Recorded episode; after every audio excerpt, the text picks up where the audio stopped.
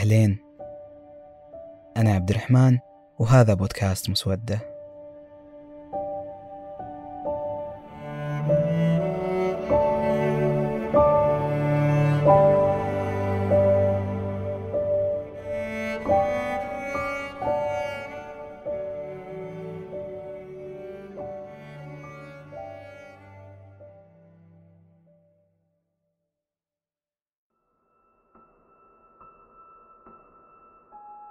أنا أستاهل أكثر. ليه ما فزت بكذا مثلا؟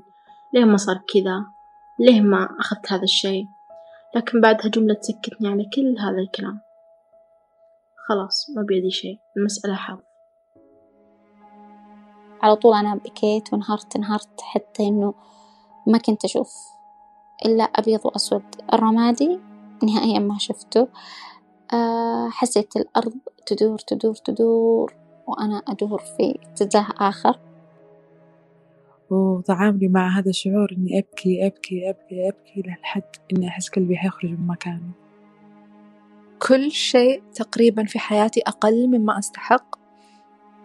على عكس ما أنا أريد على عكس ما أنا أرغب. كان هذا الشعور يولد رفض. أرفض الحياة بهذا الشكل.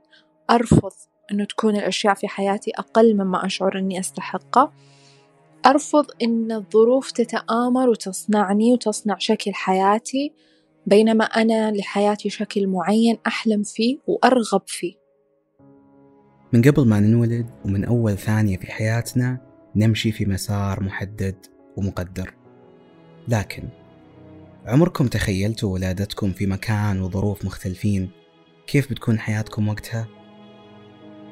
هل بتكونون أنتو أنتو هل بتنعمون بنفس الامتيازات والإنجازات؟ هل تستشعرون نفس الآلام والخيبات؟ هل في يوم حاصركم تساؤل ماذا لو كنت أوفر أو أقل حظا؟ أنا أبغى أتزوج أبغى وظيفة أبغى بيبي أبغى فلوس أبغى آه، بيت بالشكل الفلاني أبغى سفرة بالطريقة الفلانية شروط شروط وإنه أنت يعني ما راح ترضى ولا راح تكون سعيد إلا بالشروط اللي أنت حاطها واللي أنت طالبها. يراودني هالتساؤل بشكل دايم كم نسبة الصدفة من الصدفة؟ وكم صرخنا بأعلى صوت؟ ترى حظ. كثير ينكرون صفة الحظ على أنفسهم لأنها تعطيهم شعور أنهم مو مجتهدين أو ما يستحقون اللي عندهم. لكن هل فكرة أنك في بيئة معينة تضمن لك تكون أسعد من غيرك؟ ولا الموضوع أعقد بكثير من ظروف معينة أو رصيد في بنك أو حظ كويس؟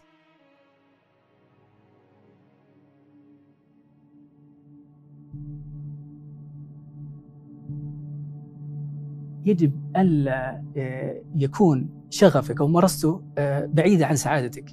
إذا تعارضت مع سعادتك اللي هي أصل وجودك قبل فترة انقسمت الآراء بعد مقال عبد الله الجمعة في ثمانية. يوم قال نجاح تعليقات كثير. زي ليت عندي حياتك. في الوقت اللي كان يمر بحالة نفسية سيئة من نمط حياة المزحوم بأشياء ممكن تكون أمنيات عند أشخاص ثانيين.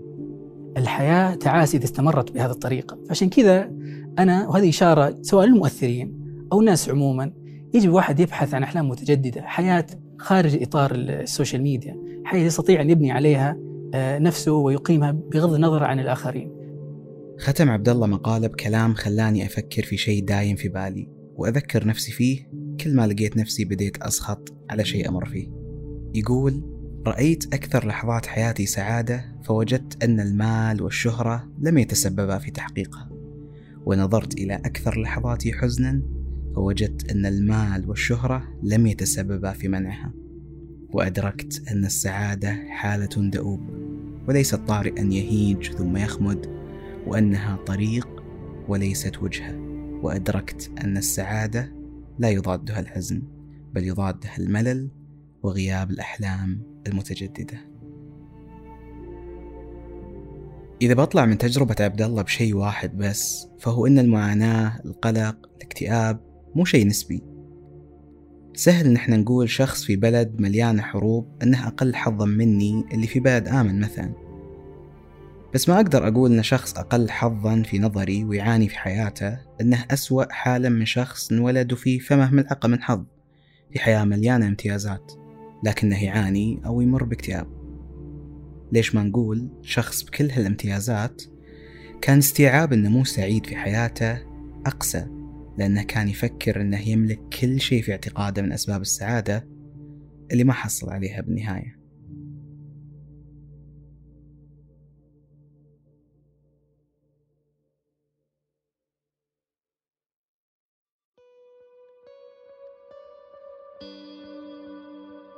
دايم أتساءل هل الحياة عبارة عن اختيارات في يدنا؟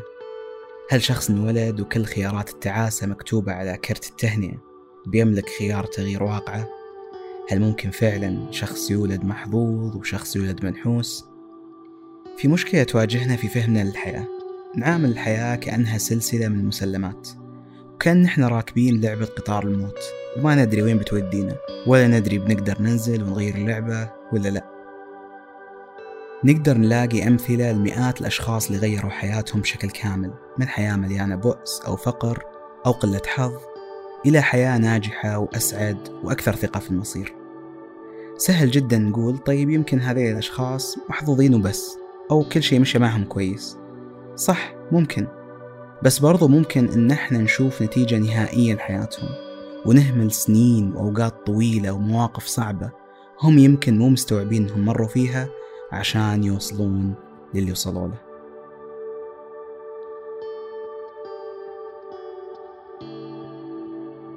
كنت أحس إنه الدنيا عكسي كانت ظروف عكسي. كان أول مرة أحس بالشيء حسيت إنه ماني قادرة يعني ماني قادرة أمنح نفسي الطمأنينة اللي أنا فعلا ممكن أمنحها أي أحد حولي. أنا في في بعض الناس في اللحظة اللي يحس فيها يحس بالتحطم ويوقف مشواره. بس إن في بعض الناس يواجهون ظروف بس ما يوقفوا ما يمنعهم يكملون إنهم يتعاملون مع الأشياء اللي يحسون فيها ويصيرون واعي فأتمنى كل شخص يقدر يقدر يتعامل مع هالشعور مثلا أو شيء أتعامل مع هالشعور بإني أردد على نفسي دائما وأقنعها إني أقدر أوصل للي أحلم فيه أو اللي أحلم إنه حياتي كانت المفروض تكون على هذه الهيئة فدائما أحاول مع نفسي إني أوصل لهالشي. أنا غير راضية بمستوى معيشتي من كل النواحي سواء كان اجتماعي أو نفسي. بس أنا عشان ما أظهر بشكل غير قنوع أو سلبي أو أقل من غيري أنا لازم بفتخر كل شي عندي وكل شي أنا فيه. المقاومة والسعي كان لهم عدة أشكال منها الصح ومنها الغلط منها الإيجابي ومنها السلبي. كانت أحيانا هذه المقاومة وهذا السعي وغالبا وكثير يظهرون بشكل تمرد بشكل عناد بشكل محاولات تكرار للمحاولات بشكل طلب مساعدة بشكل تعلم بأشكال كثيرة جدا جدا جدا. كل ما زاد زعلي على حالي وعلى الحياة بدأت ألاحظ بشعور غريب كأني أغرق. شعور يسحبني تماما للأسفل. شعور ما يزيدني إلا سوء. بديت أفقد الاستمتاع ببعض الأمور والسبب. إني ما زلت هابطة وكانت تفوت علي لحظات جميلة والسبب إني ما زلت ساخطة. أنا معك. اغضب أسخط أزعل. لكن لا تخلي الموضوع ياخذ منك أيام أسابيع وشهور. لا تخليه يسيطر عليك لدرجة إنه يرميك عن اللي أنت تملكه بديت أطالع أنا إيش عائلة رزق صحة وحياة سعيدة. وقتها اقتنعت إن اللي بين يديني أعظم وأكبر من اللي أنا أبحث عنه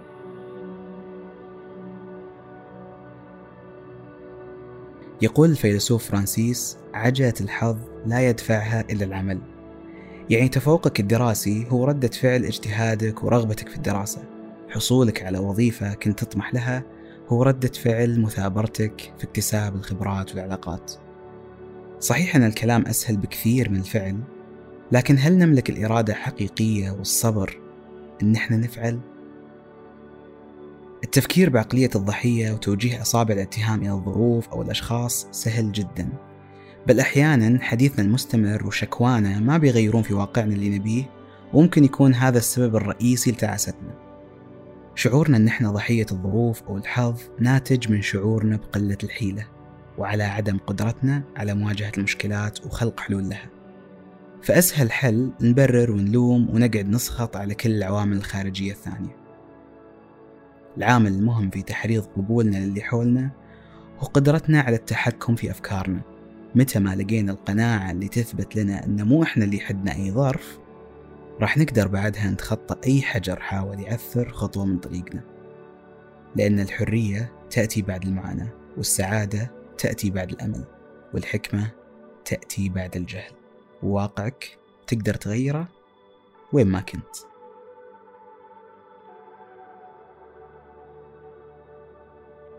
شعور السعي كان مقترن بالرضا. كان يكفيني إني ما ألتفت بيوم ورا وألاقي نفسي جالسة بنفس مكاني من مدة. بنفس الوضع اللي أنا أرفضه بنفس الوضع اللي أشعر أني ما أستحقه جالسة بنفس مكاني وأقول راح يتغير الحال راح يتغير الحال راح تتغير راح تتغير كل شيء راح يتحسن كل شيء راح يكون أحسن وأنا جالسة بنفس مكاني. أن طالما أنا أتنفس فمعناها أن في فرصة قدامي وفي خيار مناسب وفي طريق صح. محظوظة إني موجودة على هالحياة. محظوظة إني كل يوم أصحى بشغف متجدد وروح تبغى تجرب وتبغى تعيش.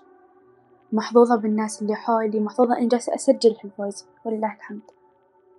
محظوظة لأن أنا هي أنا الحين.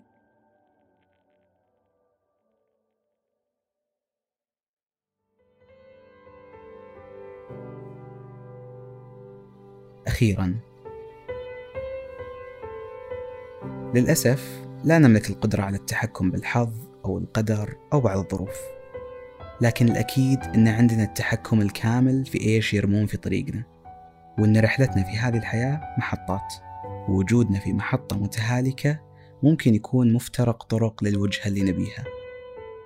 ممكن يتطلب منا شجاعة أكبر أو يتطلب منا نظرة أعمق لحياتنا ومعطياتها وممكن كل اللي كان مطلوب إن إحنا بدال ما نندب الحظ أو نبكي الظروف أو نسخط على البيئة إن نركز جهدنا وطاقتنا على الجزء اللي في يدنا تحسينه وتغييره ولو خطوة واحدة في كل مرة يقول المثل الحياة ممكن تعطينا ليمون حامض بس هل راح نسوي منه عصير؟